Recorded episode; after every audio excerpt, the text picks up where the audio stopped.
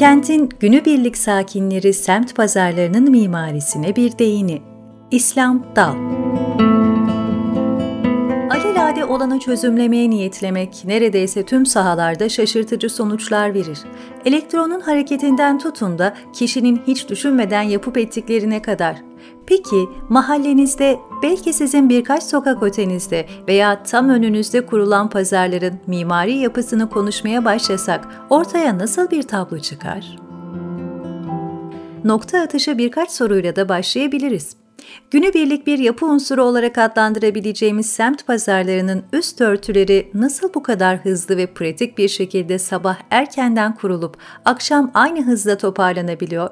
Ve belki daha da ilginci, pazarlar, kuruldukları alanlar kimi zaman eski bir dere yatağı, kimi zaman şehir içi bir ara sokak olmasına karşın her daim değerli toplu, sanki her zaman oraya aitmiş gibi gözükebiliyor. Pazar kurulumunda kullanılan malzemeler, mekanla nasıl bir ilişki içinde ve pazara dönüşebilen mekan kent yaşamını nasıl etkiliyor?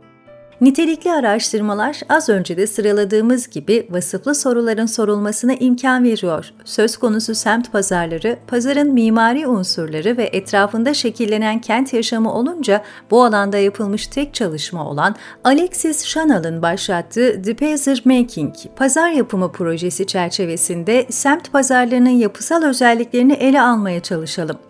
Projenin üstü kapalı sabit pazar yerleri dışında kalan, yakın çevresine takılan geçici strüktür ve örtülerle kendini tanımlayan, daha çok meyve ve sebze satılan alanları kapsadığını baştan belirtmek gerekiyor. Zira bu özel tipte kurulup sökülebilen pazarlar Akdeniz Havzası'na has.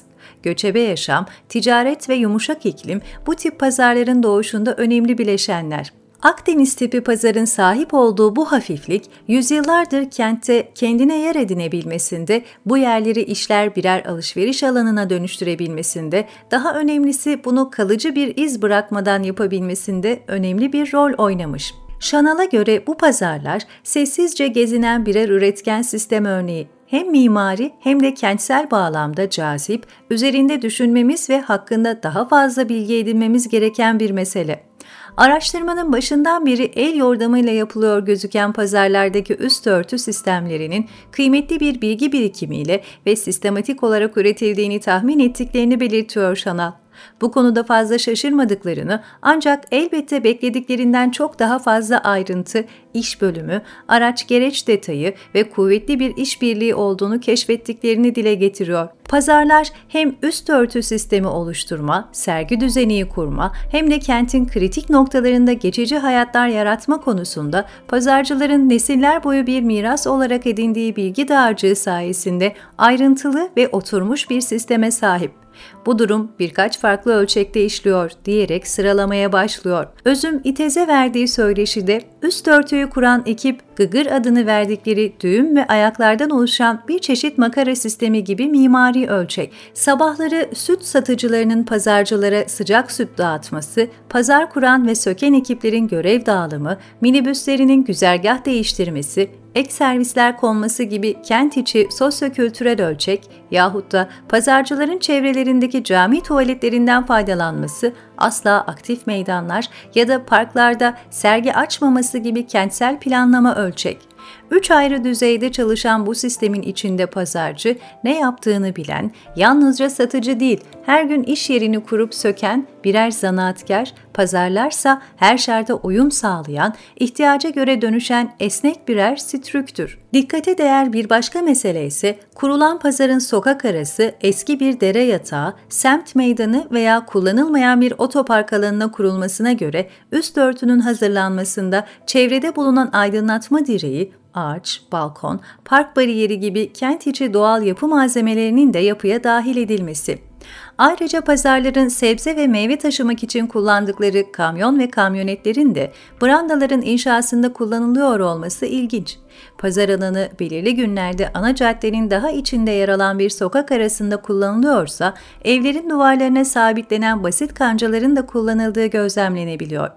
Bir çırpıda listelenebilecek karmaşık yapı malzemelerinden yoksun bu unsurların 2 metre 70 santim uzunluğundaki metal direklerin dizilimiyle esnemeyen, güneşli günler için gölge, yağmurlu havalar içinde su geçirmezlik sağlayan, bugüne kadar pazar kurulum ve sökümlerinde sadece bir elin parmakları kadar yaralanmaya sebebiyet vermesi şaşırtıcı olması kadar daha yakından bakmayı da hak eden bir mesele. Proje ekibi malzemesine hakim, aracını gerecini bilen ustalar nasıl yıkımlara, hasarlara sebep olmuyorsa, pazarcılar da ne örtülerini kurarken, ne gün içinde ne de sökerken sıkıntı yaşamıyor. Ayakta kalamayan pazar gibi vakalar yaşanmıyor.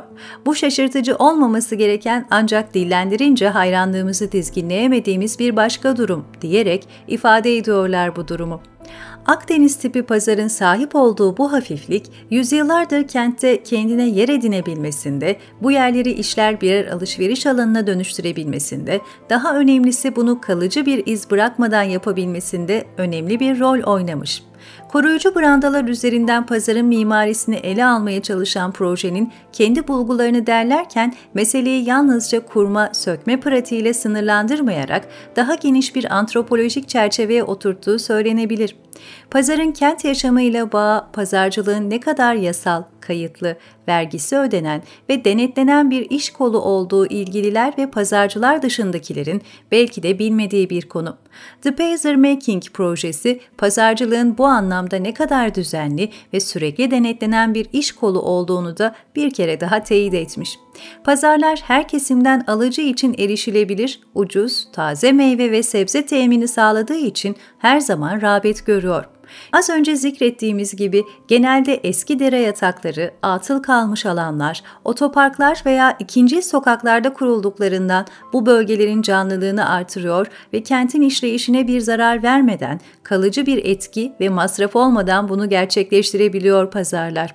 Bir başka deyişle pazarların var olması için belirli bir alana ya da tesise ihtiyaç olmuyor.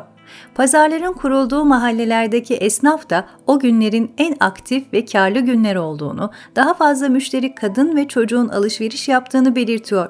Bu pazarcı ile esnaf arasında rekabetten çok işbirliği, ortaklık olduğunu gösteriyor. Tabii bölgede yer alan zincir marketler için aynı memnuniyet söz konusu mu? Buna pazar yerlerinin çevreye taşınması meselesini ele alırken değineceğiz. Mimarinin mekan inşa etme, bu mekanı kullanacak insanları kuşatma, gözetme ve alışkanlıklarını oluşturmada belirleyici bir unsur olduğunu düşünürsek, pazarları da mimarinin bir parçası olarak değerlendirebiliriz. Pazarlar ve sürekli müşterileri, belirli alışkanlık ve alışveriş biçimleri, güven ilişkisi, farklı toplumsal kesimlerin ortak paydasını kuruyor.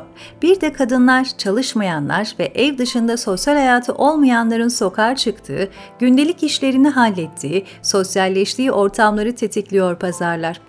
Tüm bu kültürel ve ekonomik faktörlerin yanında her türlü yağış ve sıcaklığa dayanıklı, etrafındaki doğal ve yapay unsurlardan söz gelimi ağaç, balkon, kamyonet, elektrik direklerinden yararlanan pazar örtüleri fiziksel ve sosyal olarak da gittiği bölge hayatının bir parçası oluyor.